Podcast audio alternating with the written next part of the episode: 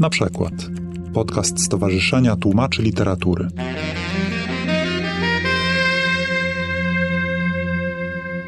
Spotkaliśmy się tutaj, żeby porozmawiać o literaturze indyjskiej. Natomiast chciałabym zacząć od przybliżenia tego, czym jest literatura indyjska, o czym mówimy, gdy mówimy o literaturze indyjskiej, ponieważ tak naprawdę mówimy o całym morzu języków, morzu literatur. I chciałabym Państwa poprosić o wprowadzenie w to zagadnienie, zwłaszcza w kontekście języków, którymi Państwo się zajmują. Jestem przedstawicielką najstarszego języka, czyli sanskrytu. I literatura sanskrycka datuje się od hymnów Rygwedy, to jest mniej więcej XIII wiek przed naszą erą. I potem dalej, to ostateczna redakcja Rygwedy była dokonana w VII wieku przed naszą erą, ale przez te kilkaset lat już tam tworzono kolejne Wedy, potem kolejne teksty komentatorskie, nazywane brahmanami, potem następne, potem powstały teksty takie filozoficzne, Choć ja myślę, że one wszystkie są trochę filozoficzne, te wcześniejsze też, ale mm, tak Upaniszady takie w VI wieku przed naszą erą. I potem powstały dwa wielkie eposy, Ramayana i Mahabharata, to taki szeroko rozumiany przełom er. Potem ta literatura się rozwija, rozwija w Puranach, takich opowieściach, powiedziałabym właśnie religijnych, ale również w bardzo wyrafinowanej literaturze pięknej, w sztukach dramatycznych. No a potem się zaczynają pojawiać języki w wielkim skrócie to Państwu powiedziałam, w wielkim, ale no nie mamy dużo czasu. W związku z tym jesteśmy już w którym wieku, Pani Profesor, w tej chwili? To znaczy, jeżeli chcemy mówić o językach, którymi współcześnie mówią Indusi, czyli mieszkańcy Indii, no to jesteśmy na przełomie wieku X i XI, ale chciałam tu powiedzieć, że mówiąc Indie, mówiąc indyjski, jeżeli mówimy o różnych kontekstach kulturowych, tak naprawdę mamy na myśli nie Republikę Indii, tylko Indie historyczne, czyli to, co między innymi znajduje się w nazwie naszej katedry, czyli Azję Południową. W każdym razie pamiętać trzeba o tym olbrzymim terytorium, o bardzo długim okresie rozwoju, zanim przejdziemy właśnie do bardziej współczesnych nam czasów, dodać do tego język angielski, bo czy taki Rohinton Mistry, który się z Indii wywodzi, ale mieszka w Kanadzie i tam wydaje, pisze nie tylko o Indiach, ale również o Indiach. Czy to jest nadal literatura indyjska? Tak, proszę Państwa, to jest literatura indyjska w języku angielskim i tu przykładów tej literatury mamy o wiele więcej. Także to jest naprawdę temat bardzo obszerny, nie tylko ze względu na obszar i czas, ale również na to, jak patrzymy na języki Indii, których formalnie, konstytucyjnie mamy 22, a to jest tylko czubek góry tej językowej wieży Babel indyjskiej. Ja zajmuję się językiem hindi, zarówno najstarszymi postaciami literackimi tego języka, bo to są tak naprawdę dwa różne języki literackie tak zwanej średniowiecznej literatury hindi, ale również językiem współczesnym, tym, który jest językiem całej Republiki, a ponadto też czasem zdarza mi się tłumaczyć języka angielskiego. W takim razie może przejdziemy do bengalskiego, Dzień dobry, ja się zajmuję językiem bengalskim, czyli literaturą, jak możemy dzisiaj powiedzieć, która się rozpoczyna tak w XV wieku. Mamy dzieła, które są starsze, z X wieku, ale nadal są dysputy, czy możemy je nazwać dziełami w języku bengalskim, czy też nie. XV wiek to jest rzeczywiście dzieło, które już możemy nazwać dziełem bengalskim i do dnia dzisiejszego bardzo bogata literatura, w tym jedyny literacki laureat Nagrody Nobla z Indii akurat, tak, w Azji Południowej. Więc bardzo bogata literatura. Myślę, że w pewnym momencie jedna z takich najbardziej rozwiniętych w Indiach. Może tak. No, jeśli chodzi o nowoczesną literaturę, tak, dramat i powieść, które się dosyć późno pojawiły. Dziękuję. Pani profesor Jurewicz powiedziała o sanskrycie, pani profesor Stasik o hindi, pan doktor Panasiuk o bengalskim. Natomiast ja nawiążę teraz do wypowiedzi pani profesor Stasik, że ogromna część tej literatury powstaje w języku angielskim. I chciałam zapytać, czy to prawda, że na polskim rynku wydawniczym dominują przekłady z języka angielskiego? I jeśli tak, czy są to teksty autorów piszących po angielsku, czy też są to przekłady pośrednie z języka angielskiego? I jakby jakie to ma konsekwencje dla obrazu Indii w Polsce? Literatura indyjska w języku angielskim jest najbardziej znana, ale to nie wiem, czy jakbyśmy liczbowo, zwłaszcza w przeliczeniu na krąg odbiorców, czy rzeczywiście nadal, no podejrzewam, że tak, jeśli uwzględnimy zasięg języka angielskiego, ale która literatura indyjska w języku angielskim najbardziej znana jest literatura indyjska w języku angielskim, publikowana głównie na szeroko rozumianym Zachodzie. Natomiast piszący, bo mamy przecież autorów indyjskich żyjących w Indiach, wydających w Indiach, zdarza się, że tak jak Arundhati Roy na przykład, czy Anita Desai, mimo że zaczynają na rynku indyjskim, wychodzą i zyskują sławę poza granicami Indii, ale tak naprawdę ci, którzy dostają nagrody w Indiach i naprawdę jest to świetna literatura, czy bengalska, czy tamilska, to jest świetna, nierozpoznana literatura nawet jeśli jest pisana w języku angielskim. Także tu jest pewien problem tego okna, prawda? Niby mamy język angielski, ale wydawnictwa działające na Zachodzie są o wiele bardziej rozpoznane i dostępne dla czytelników. Czy wobec tego można powiedzieć, że ten wybór tytułów, które się ukazują na polskim rynku wydawniczym, wynika z wpływu wydawnictw zachodnich? Czy jakby popularność przechodzi na nasz rynek i my nie sięgamy tak naprawdę? Tak. Tu kierujemy się y, oczywiście nagrodami, no bo kto Bookera dostaje, kto Pulitzera, kto tam co jeszcze. Wszyscy mówią, nie mówiąc o Noblu, bo, bo, bo rzeczywiście tylko Rabindranath Tagore na razie z Indusów tego Nobla otrzymał. I brak jest świadomości, że właśnie taki fenomen jak literatura indyjska, tak ją dla wygody nazwijmy, tak naprawdę istnieje i ma się bardzo dobrze tam, gdzie funkcjonuje. I tu potrzeba jakiegoś pomostu, prawda? Żeby zainteresować polskich czytelników. I tu, tu dochodzimy tak naprawdę do pytania, z czym kojarzy się polskiemu czytelnikowi, nie mówię o specjalistach, tylko o takich typowych bywalcach Empiku, z czym może się wobec tego kojarzyć literatura indyjska? Myślę, że trzeba czytelników zapytać o to, a nie nas. Przyznam, że nie wiem. Wydaje mi się, że duży wpływ na pewno ma właśnie to, o czym teraz powiedzieliśmy, tak? Czyli jednak moda na zachodzie, który autor jest akurat przetłumaczony. Ja obserwuję tłumaczenia na rynku bengalskim, ich dzieł rodzimych, których się bardzo mało tłumaczy. Bengalscy pisarze najczęściej są bardzo płodnymi pisarzami. Kshunil Gongompadhaj napisał 200 pozycji i ciężko jest przeczytać, nawet jeśli ktoś chce się zajmować Kshunilem Gongompadhajem, proszę sobie wyobrazić, proszę przeczytać 200 książek. I mamy jednego pisarza.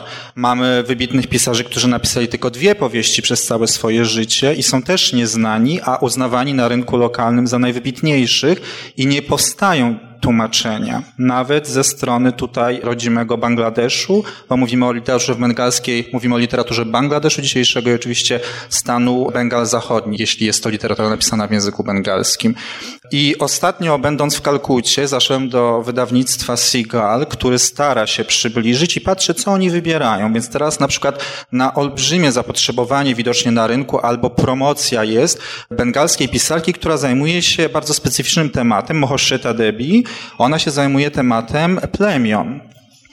I przetłumaczono kilkanaście jej powieści. To są powieści bardzo trudne do czytania, także przez rodzimych czytelników, ponieważ ona pisze w bardzo ciekawym idiomie. Ona miesza dialekty, ona pisze bardzo często w językach, które są używane przez plemiona lub bengalizuje je lekko, także nie brzmi jak standardowy bengalski, więc nie jest to łatwa lektura także dla rodzimych.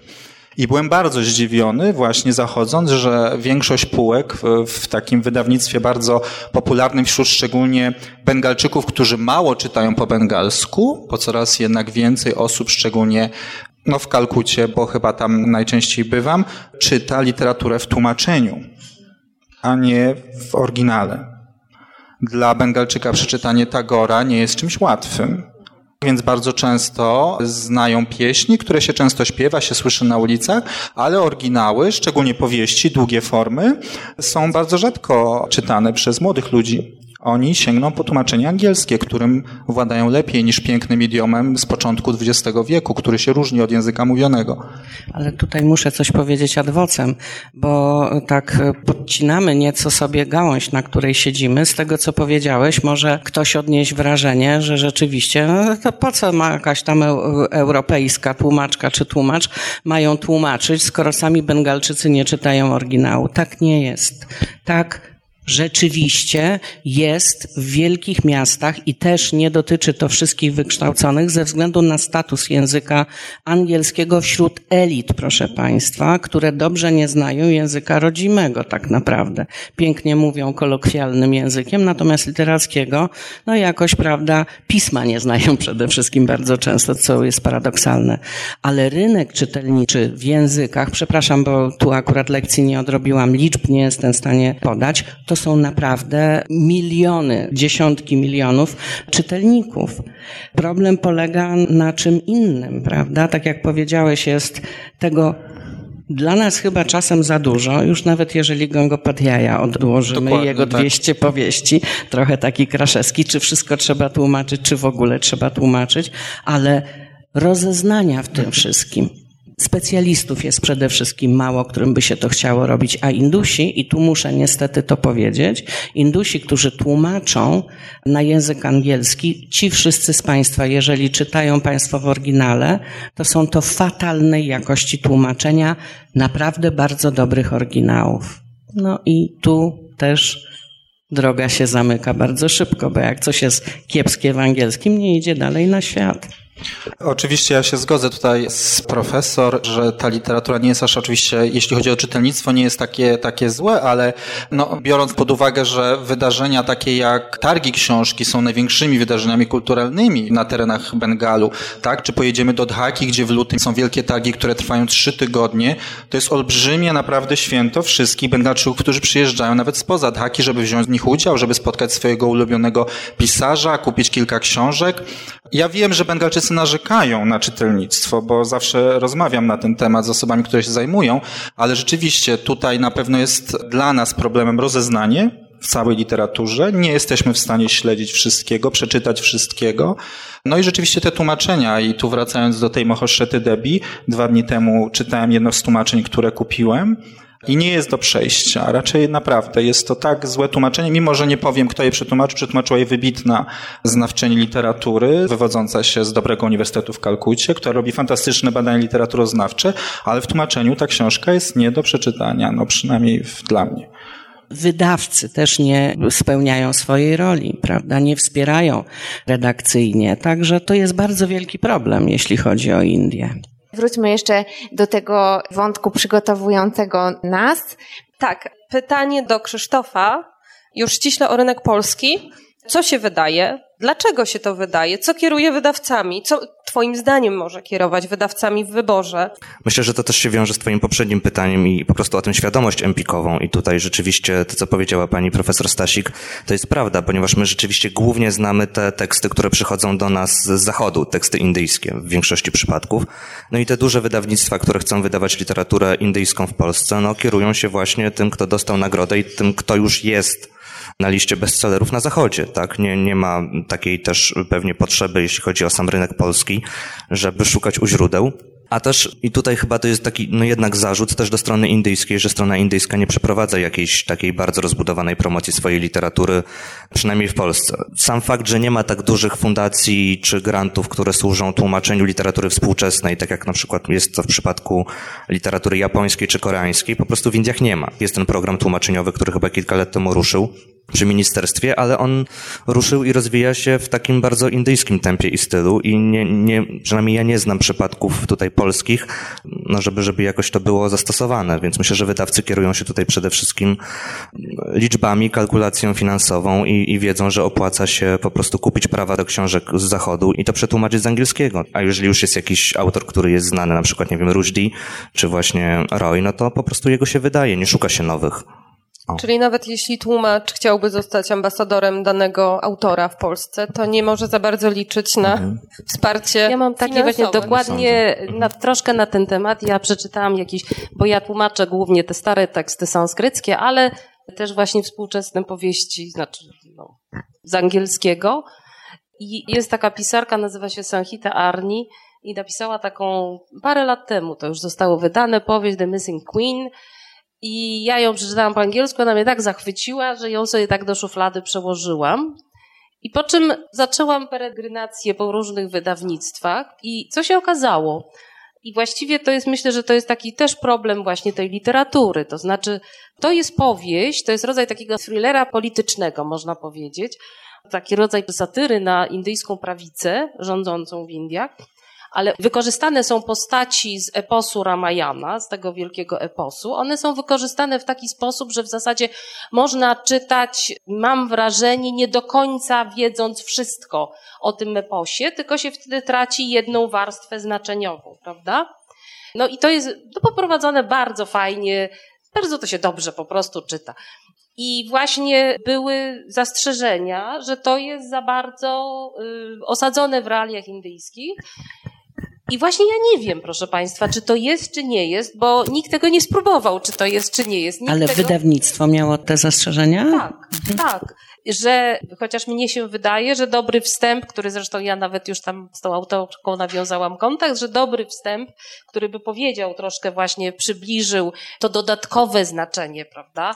Poza tym, że to jest ciekawie się czyta i, i, i bo to właśnie zaginiona królowa, no i co z tą królową się dzieje, z żoną e, Ramy, który zresztą wjeżdża Kadijakiem do Ayodhi i to wszystko. To tam są różne takie smaczki, rzeczywiście dla znawcy kultury indyjskiej istotne, ale no to jest trochę coś takiego, jakby Achilles strzelał no, z bazuki do Hektora. No to mniej więcej tego typu są uwspółcześnienia. No to można na pewno jakoś we wstępie przedstawić i powiedzieć.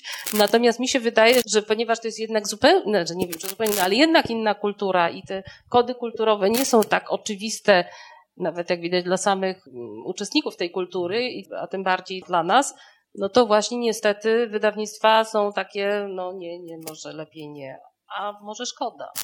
Jeszcze mogę tutaj dodać ze swoich doświadczeń. Poezja. Poezja, jak wiemy, no w ogóle jest niszowa. Wydać e, oryginalny tom poetycki jest bardzo trudno, no chyba, że się rzeczywiście jest szymborską, było się, przepraszam, szymborską. Ale też mogę powiedzieć i tutaj zwrócić honor choćby stronie indyjskiej, wtedy kiedy się ma coś gotowego. Ja w końcu po iluś latach się udało. Wydawnictwa, które zdawać by się mogło, mogły być zainteresowane opublikowaniem właśnie wyboru poezji. Nie, wie pani.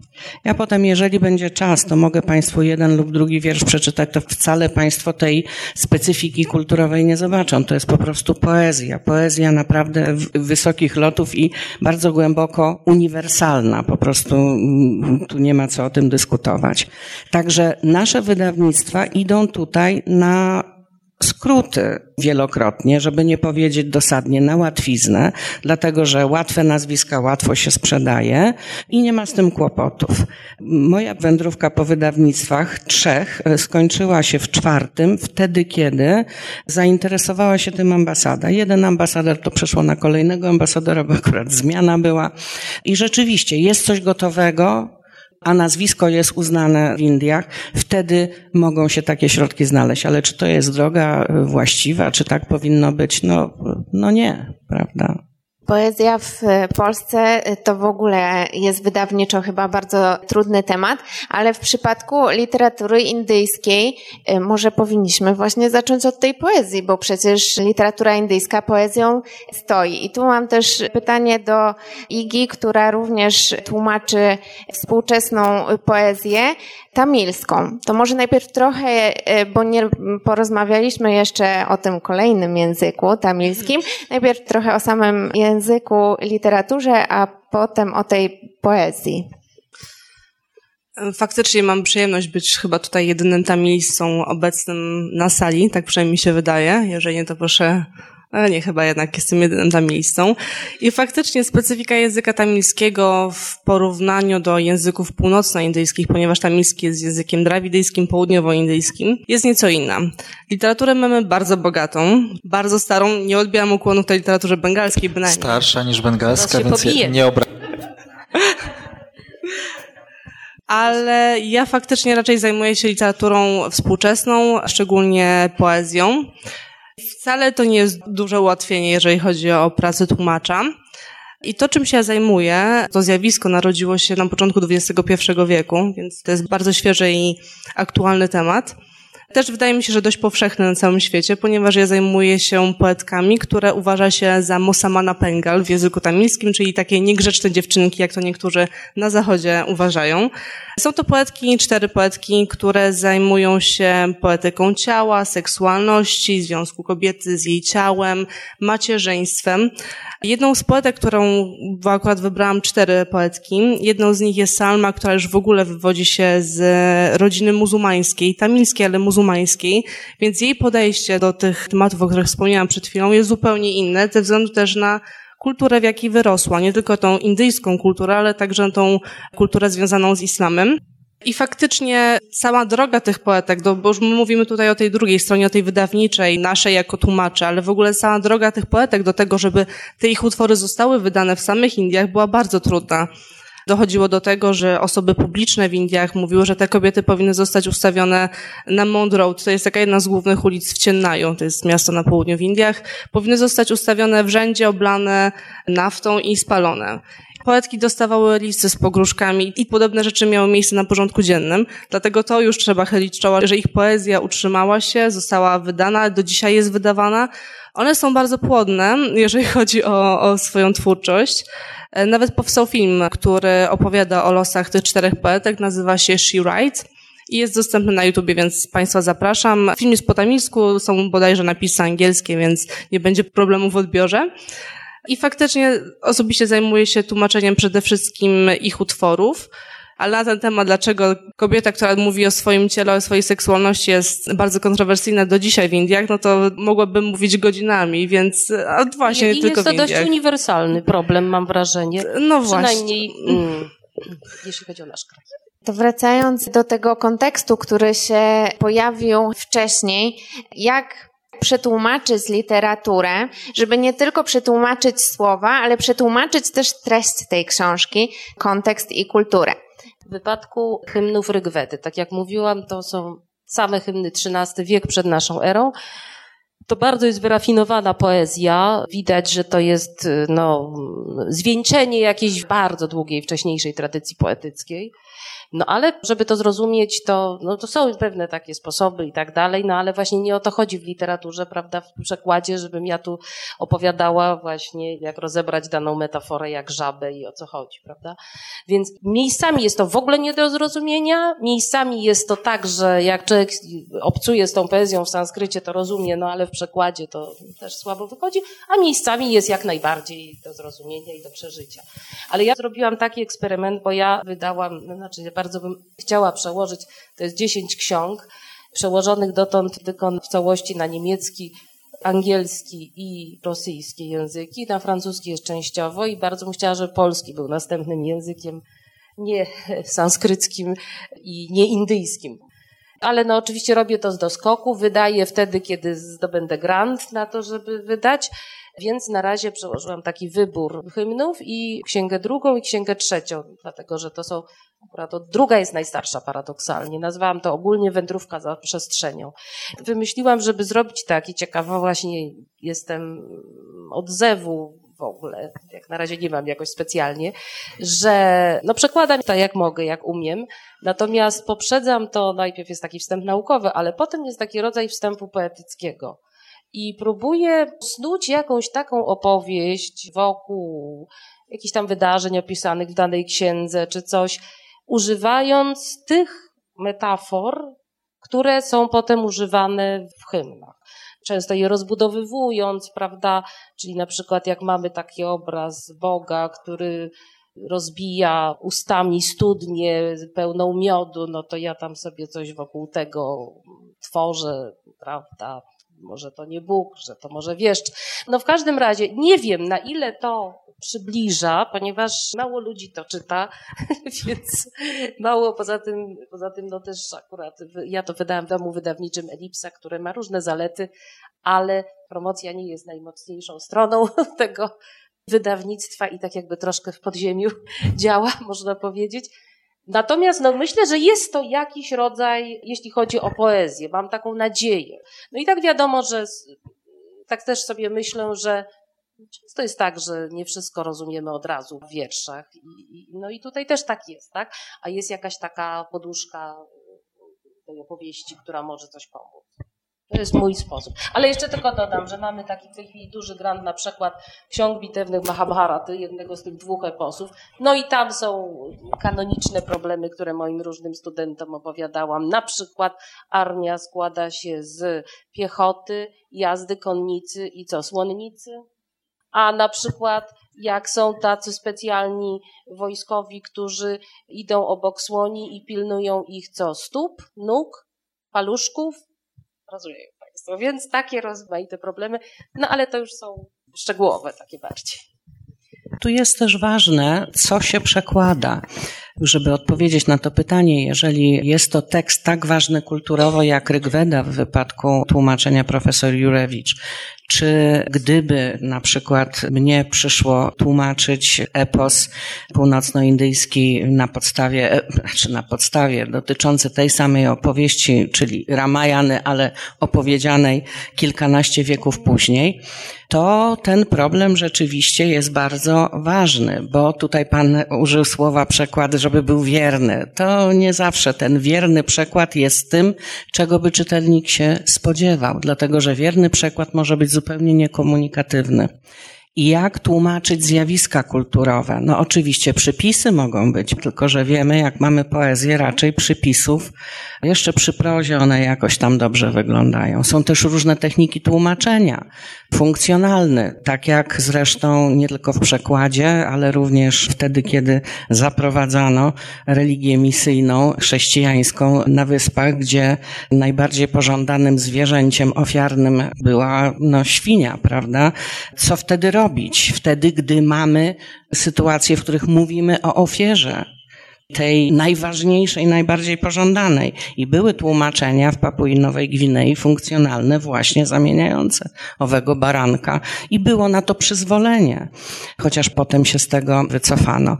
Także tutaj to jest jeden, teksty kulturowe, osadzone bardzo mocno w kulturze i teksty również osadzone bardzo mocno w kulturze, ale współczesne. I tu tłumacz powinien rzeczywiście zdawać sobie sprawę, czy tekst współczesny, bardzo mocno osadzony w kulturze, jest materiałem, za który warto się brać w tym sensie, że po przełożeniu, po tłumaczeniu będzie on rzeczywiście niósł to samo, co niesie oryginał.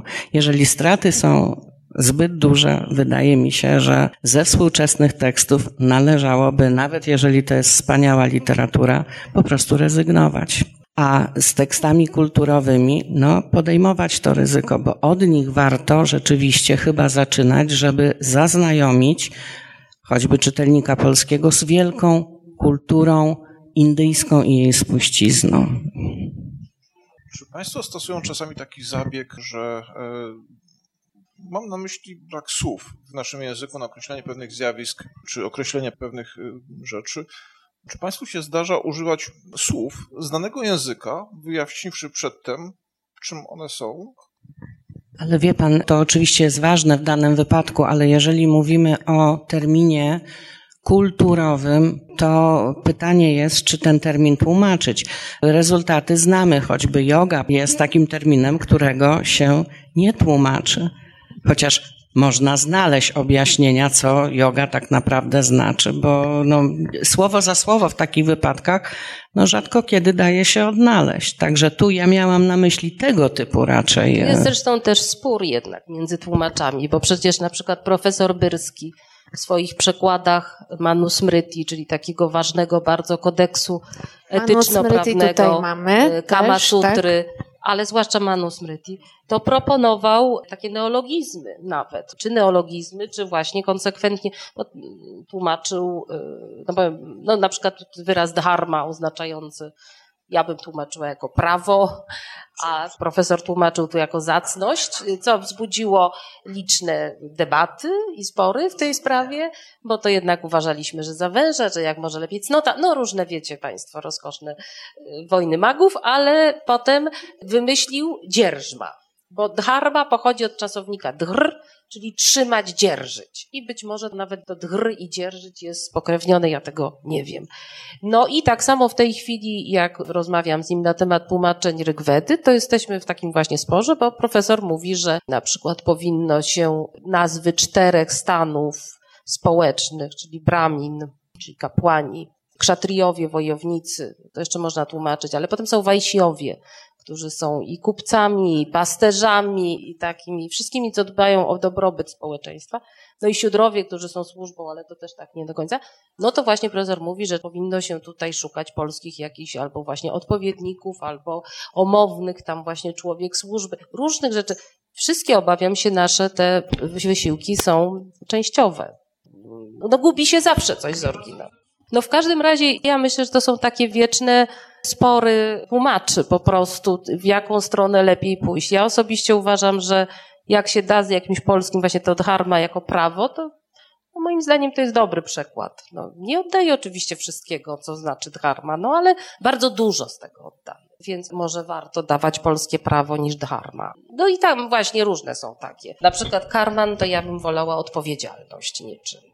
Tutaj dotykamy bardzo takiego filozoficznego słownictwa, co panie myślą o tym, jak przekładać na przykład proste rzeczy jak nazwy kwiatów, które nagle w poezji sanskryckiej czy bengalskiej pojawiają się non-stop, są dla nas bardzo egzotyczne, bardzo dziwnie brzmią, jeśli przetłumaczymy je na podstawie jakichś słowników encyklopedycznych i brzmią no po prostu śmiesznie. Tak, tak? na przykład w Mahabharacie taki ranny wojownik oblany krwią świeci jak kwiaty kinsiuki. Jest taki piękny jak krzak kinsiuki. To są takie kwiaty, takie czerwone, pomarańczowo, mocne. Ale polskiej nazwy nie znasz, bo na pewno jest. I tu nie, jest właśnie to, o czym, o czym kolega mówi, bo to jest też nasz problem, bo natura w bardzo wielu dziełach indyjskich jest o wiele bardziej obecna i to zarówno we wcześniejszym okresie i we współczesnej.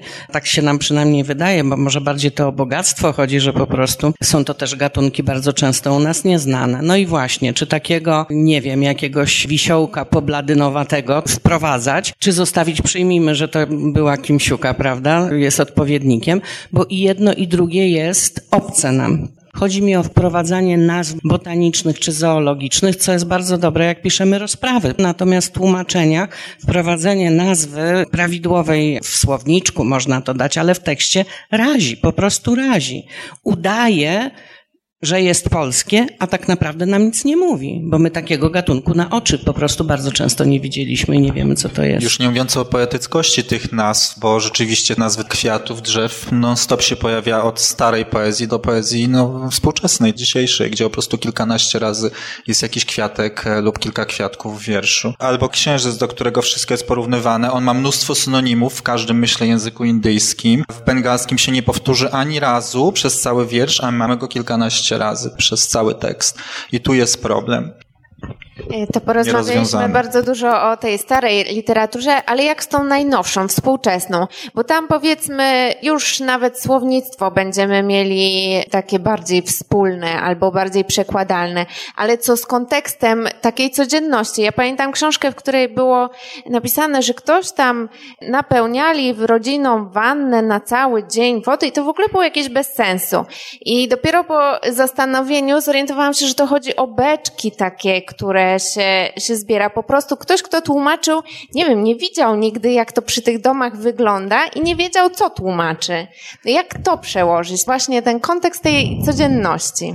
Znaczy, tak jak zaczęła Pani mówić, to od razu mi się przypomniało moje pierwsze odkrycie, że woda jest, a jakoby nie było w mieście stołecznym Delhi, bo rzeczywiście akurat nie beczki, ale każdy dom dosłownie w tej okolicy, w której mieszkałam, ma zbiornik gdzie się gromadzi woda na wszystkie godziny, kiedy tego nie ma. Ale tak jak mówię, to trzeba wiedzieć, jak się tank pojawia w kontekście domu, że to nie o tanki, czyli czołgi czy tym podobne chodzi, tylko właśnie o te prozaiczne zbiorniki. Ale podobna sytuacja.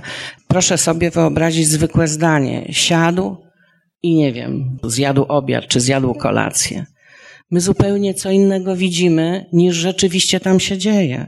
Także ta obrazowość w takim, nie jakimś górnolotnym, tylko Co my widzimy w danym momencie, jak czytamy polskie zdanie? Wtedy, kiedy ten człowiek je posiłek, bo potem za chwilę się coś tam wydarzy, a nie będzie miało w ogóle związku ze stołem i ze sztućcami, bo w większości wypadków nie ma ani sztućców, bo je się ręką, ani stołu, bo nie je się na stole, tylko siedząc na podłodze odpowiednio przygotowanej do tego celu. Po prostu musimy odpowiedzieć sobie na pytanie, co jest tak naprawdę najważniejsze.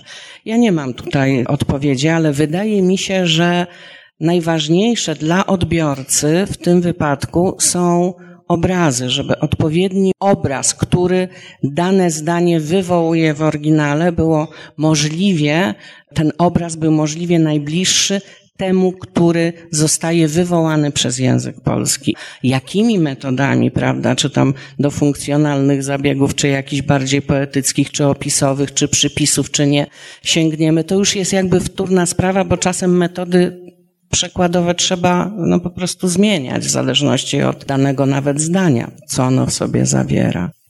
To ja chciałam wobec tego dopytać, ponieważ powiedziała pani profesor o obrazowości, chciałam nawiązać do obrazu, ale jakby z innej strony. Czy to, że my może nie do końca jako czytelnicy, znów ja nie jestem indologiem, więc mnie to interesuje jako ciekawskiego laika, Natomiast krótki przegląd popularnych tytułów, nie mówię tu o dużych nazwiskach, w internecie, jeśli chodzi o literaturę indyjską, pokazuje nam, że czytelnik pragnie pozostać w tej warstwie estetycznej. Czyli orientalny erotyzm, który się pojawia, ta cała obudowa bardzo taka egzotyczna, z punktu widzenia, mówię, polskiego czytelnika.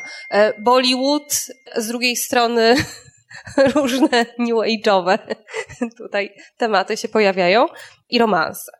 To jest to, co pojawiło mi się, jeśli chodzi o literaturę popularną i tutaj ten kontekst jakby ten głębszy nie jest o tyle potrzebny czytelnikowi, bo on się zachwyca tą warstwą estetyczną. Estetyczną czy egzotyczną? Z tego, co pani powiedziała, to właśnie ta egzotyka, tak, prawda? Tak, tak. Odpowiadając na w ogóle takie pytanie, że właśnie co się pojawia laikowi, jakby szukał i czego szuka, rzeczywiście może myśląc o literaturze indyjskiej, ktoś potrzebuje egzotyki, bo jeśli ja spojrzę na współczesną literaturę bengalską, to tej egzotyki tam jest mało takiej egzotyki, o której myślę jako egzotyce. Nie pojawi się żaden radzia, nie pojawi się żaden król. Jeśli mówimy o poezji, pojawi się bardzo nowoczesna poezja. Od połowy XX wieku już tak naprawdę mówimy o bardzo nowoczesnej stylu poezji w języku bengalskim. Ucieczka właśnie od wielkiego Tagora, który tworzył taką romantyczną dosyć poezję i był bunt wielu poetów, którzy nie chcieli pozostać w tej estetyce i ona trwa do dzisiaj. Więc tutaj myślę, że właśnie to jest też wszystko tak powiązane. Mamy tak wiele rzeczy do wyboru tak naprawdę, tak różnych autorów. Autorów, którzy piszą w jakimś celu, mogą pisać w celu estetycznym, czyli bawią się słowem, bawią się językiem. Ten język jest od razu rozpoznawany, że weźmiemy książkę i wiemy, że o, to musi być tej osoby. Co nie jest wcale łatwe. U nas w Polsce weźmiemy Masłowską, wiemy, że jest to Masłowska, tak? Weźmiemy, przeczytamy jedną stronę, wiemy, że to jest na przykład Denel, czy też inni pisarze. I tak jest w przypadku niektórych oczywiście pisarzy, jeśli ktoś czyta, ale oczywiście nie zawsze. Niektórym wystarczy, niektórzy mają misję, jak Mohoszeta Debi, tak? Misja, żeby zająć się tymi, o których się nie pisze, czyli o plemionach. I na przykład tutaj ten język w ogóle nie gra roli estetycznej. Absolutnie. I to inaczej już się wtedy to też tłumaczy. Dlatego może mi tak ciężko było czytać tłumaczenie angielskie. Po prostu było to brzydkie. A bengalskie już troszkę inaczej, bo ten kontekst jest w języku też zawarty, tak? Więc to pomaga. To tak, pomaga. ale estetyki też są różne, prawda? Oczywiście. Więc tutaj też trzeba o tym pamiętać. Poza tym wydaje mi się, że tu ważną jest kwestią też, użyłeś słowa misja bodaj.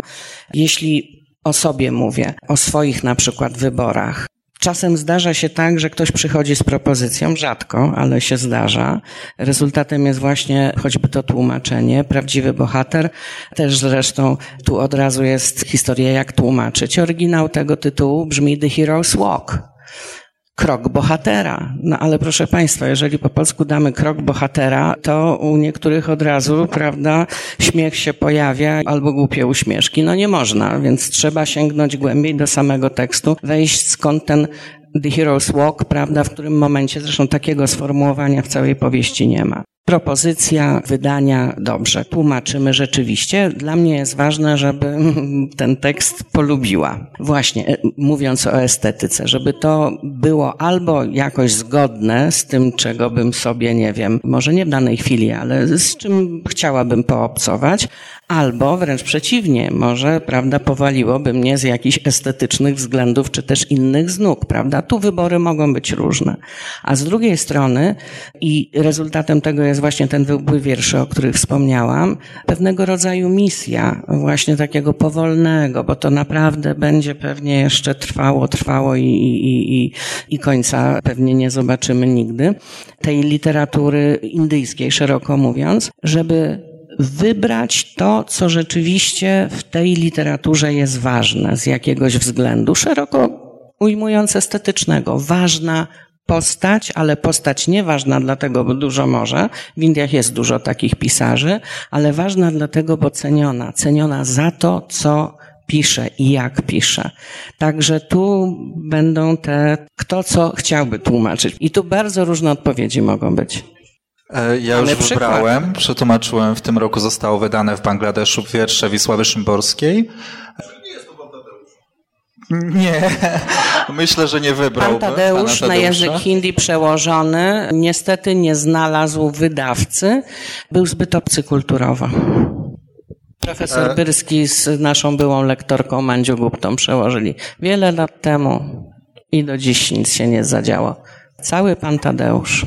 Ja może tutaj dokończę troszkę mówiąc o tym zainteresowaniu, ponieważ moje pierwsze tak naprawdę tłumaczenie jest właśnie w drugą stronę, czyli na język indyjski i dosyć świeże, bo wydanie z lutego tego roku zajęło dwa lata. Jest to, jak Państwo widzą, dosyć mały zbiór, 40 wierszy Wisławy Szymborskiej, wybranej przeze mnie i współtłumacza, ponieważ jest to dosyć ciekawa kooperacja pomiędzy mną a bardzo młodym pasjonatem literatury polskiej, który się zafascynował będąc w Bangladeszu literaturą polską, przyjechał nawet na jakiś czas do Polski, żeby się tego języka uczyć. Nie do końca się to udało, więc po kilku miesiącach opuścił kraj, ale nadal jest zafascynowany. Wie, że język polski jest trudny i że ciężko mu raczej będzie tłumaczyć zawsze z oryginału, więc weszliśmy w taką kooperację, bo to on wyszedł z propozycją tak naprawdę zrobienia tłumaczenia i zaproponował Wisławę Szymborską. Ja zawsze chciałem przetłumaczyć któregoś z naszych poetów na język bengalski, więc przestraszony strasznie, jako takie pierwsze dzieło tłumaczone na język bengalski, zgodziłem się. Ja powiem, oczywiście tutaj każdy z nas mówi o swoich językach, no bo jednak my w tych cywilizacjach językowych jesteśmy głębiej osadzeni, więc Bengalczycy są bardzo zainteresowani literaturą i zawsze będąc w Bengalu jesteśmy o nią pytani. Jeśli się spotykamy z osobami, które się zajmują literaturą, czy też zajmują się kulturą, oni są zainteresowani i często bardzo wiedzą, często podają nazwiska, nawet osób, o których byśmy się nie spodziewali. Współczesnych poetów polskich, tak, o takich, których nawet nie wiedzieliśmy, że ktoś wie, że oni istnieją. I te zainteresowanie jest. Wiem, że powstają tłumaczenia Czesława Miłosza na język bengalski, jednego z naszych studentów, który dostał na to dofinansowanie. Powstanie tłumaczenie stu wierszy i my będziemy pracować nad tłumaczeniem małego zbioru też Herberta. I w późniejszym czasie może Szymborski także, bo jest zgoda na wydawanie większego tomu, więc takie projekty są. A Bengalczycy kochają poezję? Łatwiej jest wejść z poezją niż z literaturą typu powieści czy też opowiadania. Tak. To jest jednak naród, który czyta poezję, w sensie ona jest łatwiej dla nich stawna. Słuchają, nawet jeśli nie czytają, będą jej słuchali, jeśli będzie ona recytowana. Każda uroczystość kulturalna jest tak naprawdę pogrążona w recytacjach poezji, więc to, to żyje. I te nazwiska też pojawiają się w innych językach, zarówno północnych, jak i południowych Indii. Jeśli mówimy o przekładach, choć stopień zaawansowania jest tutaj różny, mogę potwierdzić, że jeśli chodzi o język hindi, te nazwiska się pojawiają. I co jest ważne, to to, że polska poezja jest bardzo dobrze znana. Również dzięki wspaniałym przekładom na język angielski, bo ci, którzy interesują się literaturą, tak jak tu kolega powiedział, owszem, czytają i prozę, ale poezja jest tą królową literatury zdecydowanie. Także od połowy mniej więcej poprzedniej dekady bardzo takie intensywne, no intensywne, bo tych zbiorów się ukazało bodaj z sześć. Jednym z ostatnich był wybór Zagajewskiego. Tłumacze Polacy współpracują z miejscowymi poetami, bo również tu jest szalenie ważne nie tylko to, że się bardzo dobrze zna język, ale załóżmy my bardzo dobrze znamy język hindi, bengalski, tamilski, ale jednak ta poezja w tych językach rządzi się troszeczkę innymi prawami, które nie zawsze my biernie jesteśmy w stanie je dostrzec, natomiast aktywnie nie zawsze jesteśmy w stanie je zastosować. Także ta współpraca jest, powiedziałabym, taką normą staje się w tym wypadku. Jest bardzo dobra, bo mamy przekład bezpośredni i jednocześnie mamy native speakerów po obu stronach języka wyjściowego i języka docelowego. Tutaj dodając do wypowiedzi pani profesor, jeszcze i do praktyki opowiem Państwu właśnie, jak to wyglądało, jakich ciekawych rzeczy człowiek się dowiaduje na temat właśnie poezji, chociażby bengalskiej. Ja tłumacząc wiersze z oryginału, przekazywałem je do tak jak właśnie do konsultacji mojego współtłumacza i on bardzo często dodawał rzeczy upiększą. I mieliśmy na, temat bardzo dużo dyskusji, czy na przykład jeśli było jakieś słowo, nie wiem, o kobiecie, to on lubił dodawać opisy tej kobiety. On naprawdę, i dla niego było to normalne, że w tłumaczeniach się tak robi, bo ona była piękna, tak? No to dopiszmy jeszcze, że była piękna, że była jak księżyc, tak? Jej twarz. No bo, i się pytałem, dlaczego ty to robisz? On mówił, że Bengalczykom się to spodoba. I rolą tej poezji miało być znalezienie też czegoś, co jest podobne do ich poezji do tego, żeby oni zobaczyli, że o, też jest coś podobnego, mimo że jest to tak naprawdę wymyślone przez tłumacza. I tutaj walka, mimo oczywiście tutaj e, różnych innych rzeczy, które się pojawiają w trakcie takiego procesu, walka była o rozszerzanie, wydłużanie wierszy poprzez dodawanie. Co jest zresztą nic nowego, bo jeśli mówimy o tłumaczeniach w różnych literaturach indyjskich tekstów z sanskrytu chociażby, tak, średniowieczne teksty, które są natłumaczone na język bengalski, które są tłumaczeniami chociażby eposów Ramayany, Mahabharaty, są bardzo często wydłużane, są dodatki i lub skróty oczywiście w drugą stronę, ale to, co się bardziej spodoba lokalnej publiczności, jest tak jakby bardziej opisywane. Ja tylko, bo tutaj o upiększaniu, ale mamy też przykłady takich poetów, choćby współczesny, jeden z współczesnych e, poetów języka hindi, Mangleś Dabral, zauważył, że Tadeusz Różewicz, bo rzeczywiście tak było, nie, nie, nie we wszystkich, ale przez bardzo długi czas, że był jedyny znak interpunkcyjny, jedna kropka na końcu. I on się starał tak tłumaczyć, prawda, bo tłumaczył między innymi, potem się konsultował między innymi ze mną, ale nie tylko ze mną, jeśli chodzi o osoby polskie, polskojęzyczne, czy rzeczywiście wszystko łącznie z tą kropką jest na właściwym miejscu. Także tu mogą być podejścia bardzo różne również po stronie Indusów. Tak, bo ja myślę, że my wciąż tutaj jeszcze mówiliśmy o tych różnych kodach kulturowych, ale myślę, że to jest jedna rzecz, ale też te kanony estetyczne są strasznie trudne do przekładu.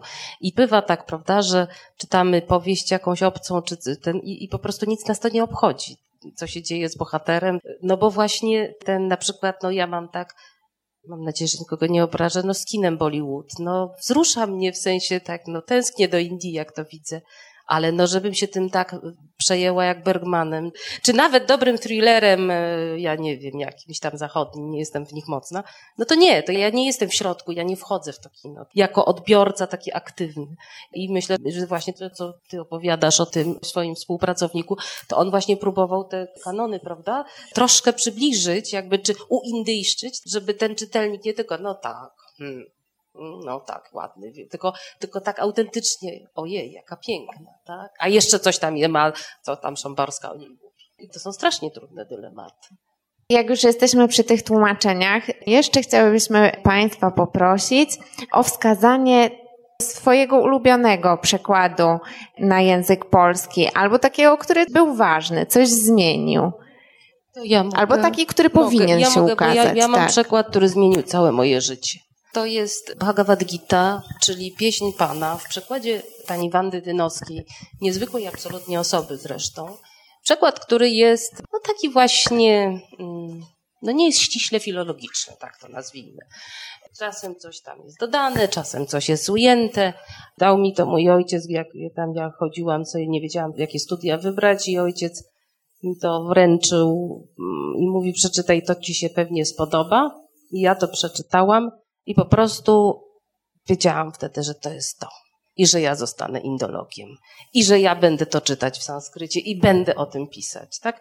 Więc w związku z tym i myślę, że jakbym miała przekład, który był, jest bardzo znakomity pod względem filologicznym. Taki właśnie, bo ja powiem szczerze, że Bhagavad Gita nie jest jakimś takim nadzwyczajnie pięknym, artystycznym tekstem. To jest taka prosty czterowiersz. Bywają ładne strofy, ale większość z tego to jest takie mm, dość taka proza trochę rytmiczna. Tak, taka, nic ten. Wcale nie jest powiedziane, czy miałoby to takie piorunujące na mnie wrażenia, jak tutaj ona, to właśnie ona takie ma trendy trochę młodopolskie, trochę, no, no to, to po prostu wicher w głowie i, i Kryszna przed oczyma i w ogóle wszystko. Także to, to właśnie pokazuje, że przekład, który jest niedoskonały w sensie takim formalnym, tak, zgodności z oryginałem i tak dalej, ale przekazuje jakoś tak tego ducha, bo ostatecznie to jest traktat mistyczny, koniec no, że, więc to jest mój ukochany przykład.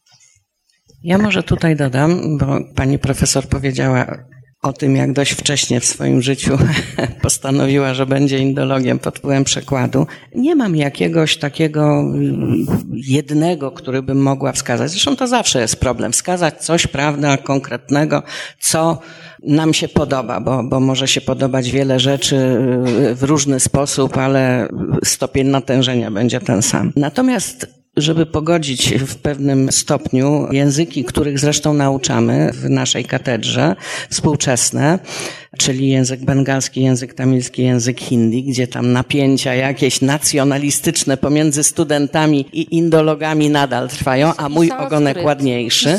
Nie, nie mówię o współczesnych, mówię o współczesnych. Akurat jak zdawałam, to powstawały trzy współczesne grupy językowe.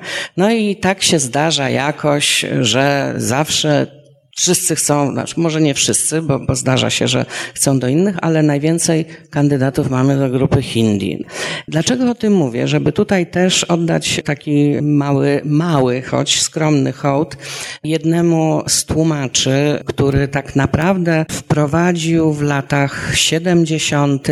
współczesną literaturę indyjską, właśnie za pośrednictwem tłumaczeń z języka hindi na nasz rynek. Chodzi mi o przekłady pana Juliusza Parnowskiego. Dlaczego Dlaczego o tym wspominam? Dlatego, bo niedługo przed egzaminami wstępnymi dostałam od swojego rodzonego brata prezent.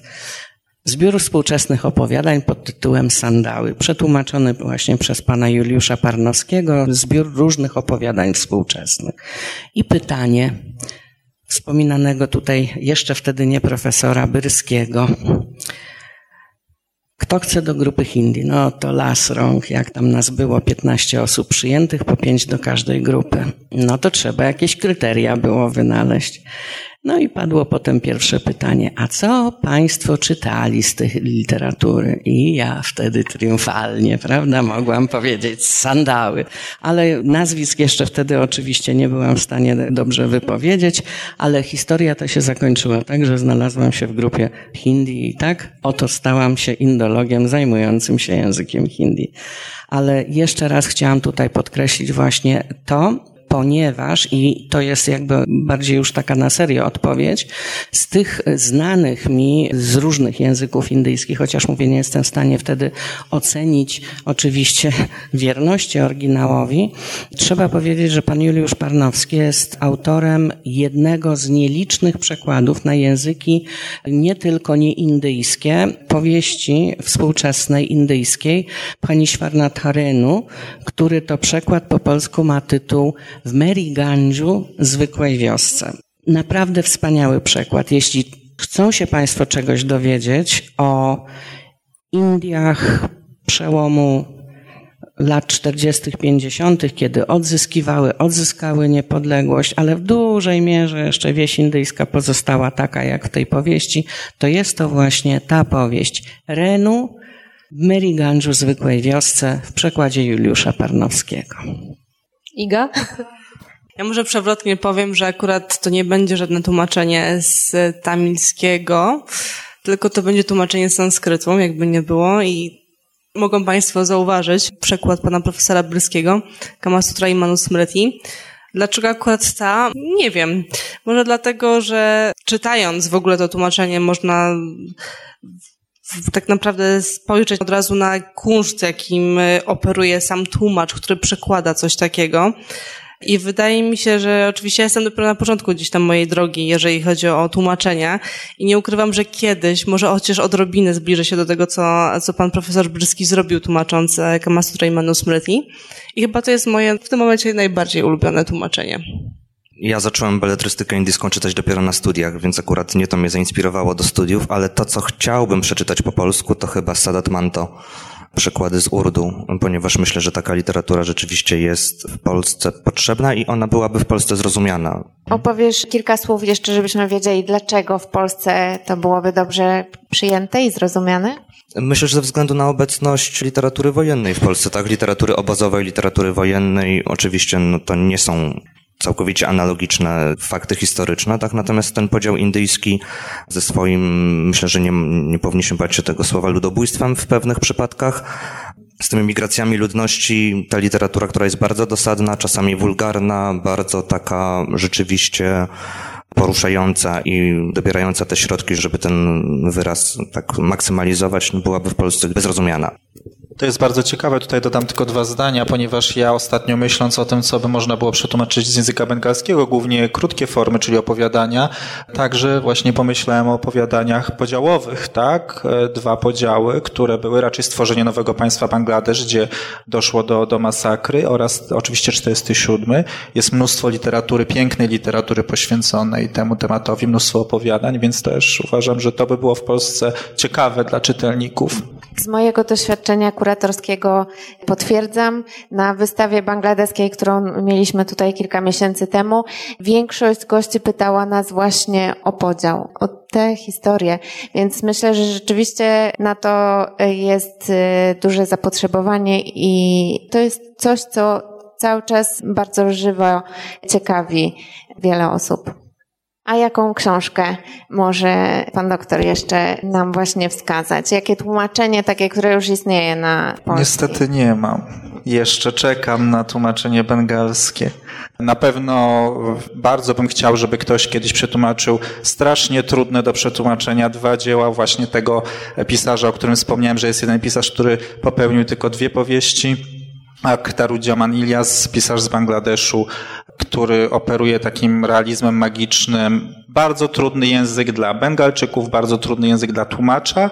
Wiem, że powstało jedno tłumaczenie w zeszłym roku na język angielski pierwszej powieści krótszej, a drugie dzieło, które jest uznawane przez wielu krytyków literatury bengalskiej, jest absolutnie, no jest nietknięte przez tłumaczy i nie wiadomo, czy będzie, bo jak, zawsze jak się pytam, czy ktoś się tym zajmie, oni mówią, że to jest za trudne, że nie udaje mi się tego przetłumaczyć na język angielski nawet. A czy ja mogłabym przeczytać coś, co bardzo, bardzo wydaje mi się dobrze, tak spina klamrą to, co teraz szczególnie mówiliśmy, a jednocześnie jest to właśnie głos, no tym razem po polsku akurat będzie. To jest wydanie dwujęzyczne, gdyby kogoś interesowało. Wiersz w oryginale Kumwar Narayan, pisarz, poeta, niestety zmarły y, w zeszłym roku. Naikitaby, czyli nowe książki. Nowe książki najpierw patrzą na mnie z daleka, wstydzą się, potem przestają się krępować, rozsiadają się i rozkładają przede mną na moim biurku. Pierwszy kontakt z nimi dotyk, ekscytujący początek, niczym podanie ręki. Powoli się otwierają, strona po stronie. Intymna bliskość, z niektórymi przyjaźń, z innymi zażyła przyjaźń. Niektóre nieoczekiwanie dotykają mnie do żywego, inne wnikają w moje myśli, niektóre są ulubienicami rodziny, przeważnie te, które nam coś dały.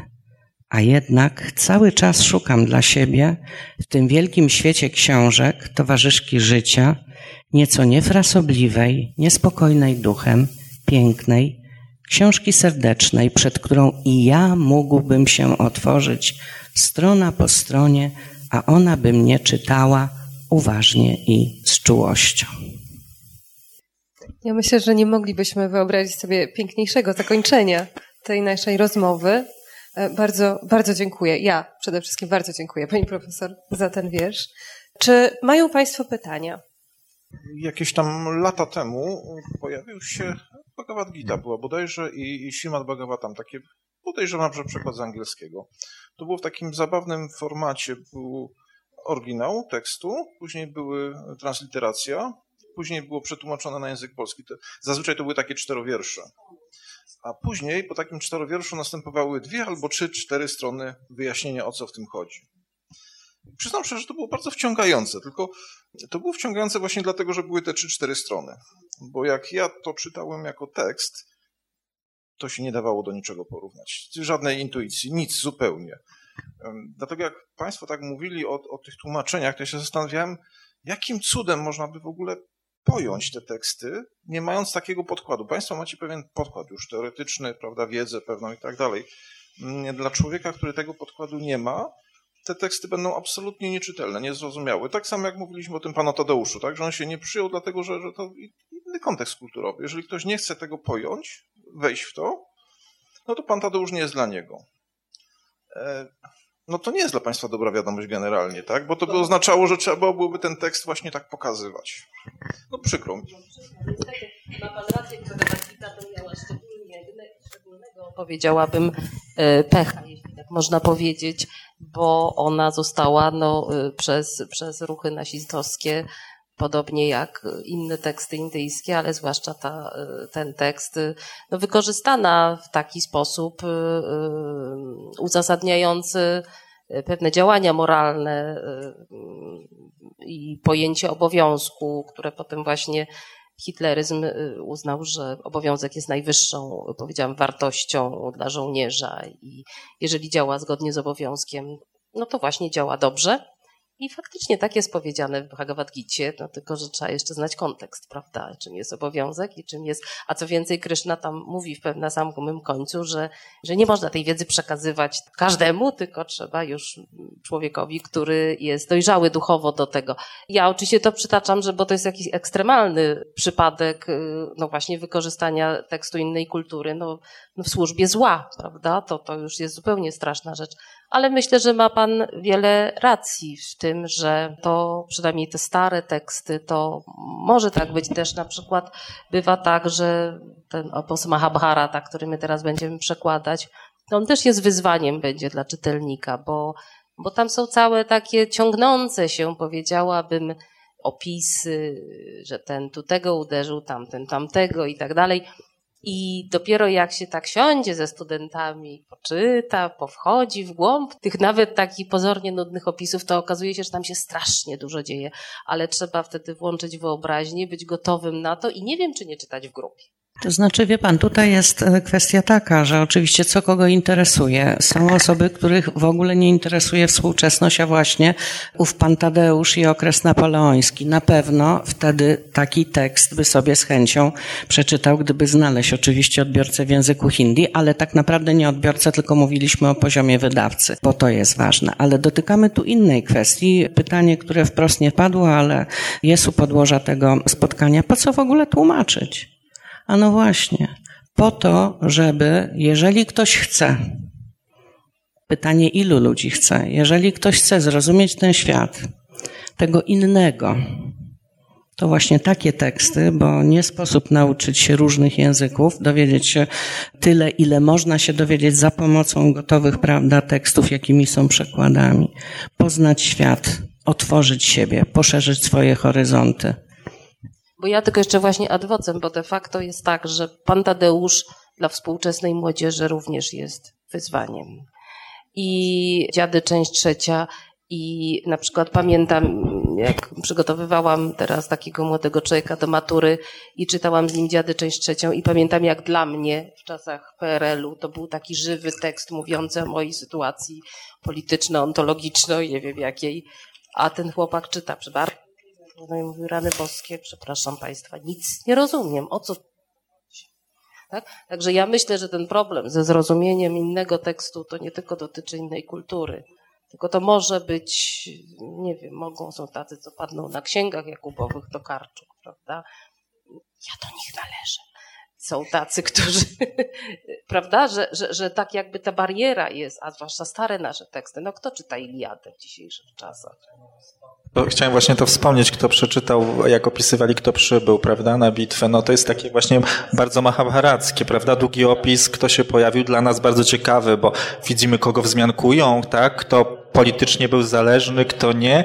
Dla historyków literatury, czy też w ogóle dla historyków bardzo ciekawa rzecz, ale nie dla czytelnika już. Piotrze, widzę, że pytanie. Ja mam jeszcze pytanie na temat w zasadzie całego subkontynentu indyjskiego. Zdaję sobie sprawę, że jest niemożliwe tak udzielić odpowiedzi, ale ciekawi mnie to, że w Indiach nie tylko mamy tę taką tradycyjną, przednowoczesną wieś, ale również Indie są forpocztą nowoczesności. I bardzo jestem ciekawy, jak w tych różnych kulturach przepracowuje się to nagłe wykatapultowanie kraju i kultury w supernowoczesność. To znaczy, wie pan, tu też zależy, gdzie wzrok nasz padnie, czy, czy gdzie ucho przyłożymy, ale jeśli mówimy o Indiach, o cywilizacji indyjskiej, to jest cywilizacja trwania, nie burzenia za każdym razem tego, co jest, tylko dodawania do tego, co już jest. Więc mamy taką, to się często pojawia, to jest bardzo modne, ale mamy ciągłość tradycji. I wydaje mi się, że przynajmniej jak jestem w takim mega nowoczesnym mieście, jakim jest e, Bengaluru, jedno no, naj, najbardziej pod każdym względem, to tam się odnajdują wszyscy. I ten, co przed chwileczką ze wsi przyjechał, żeby zarabiać, no bo ktoś na tych bambusowych rusztowaniach, prawda, musi pracować, bo nie będzie tego robił człowiek z wykształceniem indyjskim. Więc taką istotą właśnie cywilizacji, nie kultury indyjskiej, jak wielu zresztą kultur tradycyjnych tu chińska również będzie dobrym przykładem. U nas wartością samą w sobie jest rozwalenie tego, co było przed nami i krzyczenie tu, prawda, nowe, to ja. Jeszcze najlepiej jak ja mogę powiedzieć, że to ja zrobiłem, zrobiłam. Tam się dodaje te cegiełki, prawda? I ewentualnie X, Y, Z i cały alfabet wymieni jeszcze parę innych i doda się, a na końcu ja postanowiłem albo postanowiłam dodać swoją cegiełkę. Także ta naprawdę super nowoczesność, e, no, no tam, tam, tam jest faktem po prostu, i jednocześnie bardzo często ci ludzie, którzy w tych super nowoczesnych, bo zostawmy zderzenie, bo rzeczywiście największym problemem współczesnych Indii jest co? Przepaść między tymi, którzy są na dole drabiny społecznej, ekonomicznej i tymi, którzy są na szczycie ale ten, który funkcjonuje bardzo często, nie zawsze, ale jest to dość częste, funkcjonuje w dwóch światach. W świecie nowoczesnym, zawodowym, takim jakby zewnętrznym i świecie tradycyjnym, własnej kultury, własnego rodu, własnego kręgu, no bo to różnie może wyglądać. I sama takich znajomych mam którzy łączą wspaniale przeszłość z teraźniejszością i świetnie się w niej odnajdują. Dziękujemy bardzo za tę rozmowę, która rozpoczęła się od literatury, a skończyła się jak zwykle na filozofii. Moglibyśmy oczywiście rozmawiać jeszcze wiele godzin, podzielić to na wiele kolejnych wątków, ale dzisiaj to był tylko taki mały przedsmak, też e, po to, żeby do czytania tej literatury zachęcić. Bardzo dziękuję wszystkim gościom, pani profesor Danucie Stasik. Pani profesor Joanna Jurewicz, pan doktor Michał Panasiuk, Krzysztof Gutowski, Iga Bielawska i prowadzącej Annie Klingofer. A ja dziękuję Basi Banasik, oczywiście. Tak. Wysłuchali Państwo na przykład podcastu Stowarzyszenia Tłumaczy Literatury.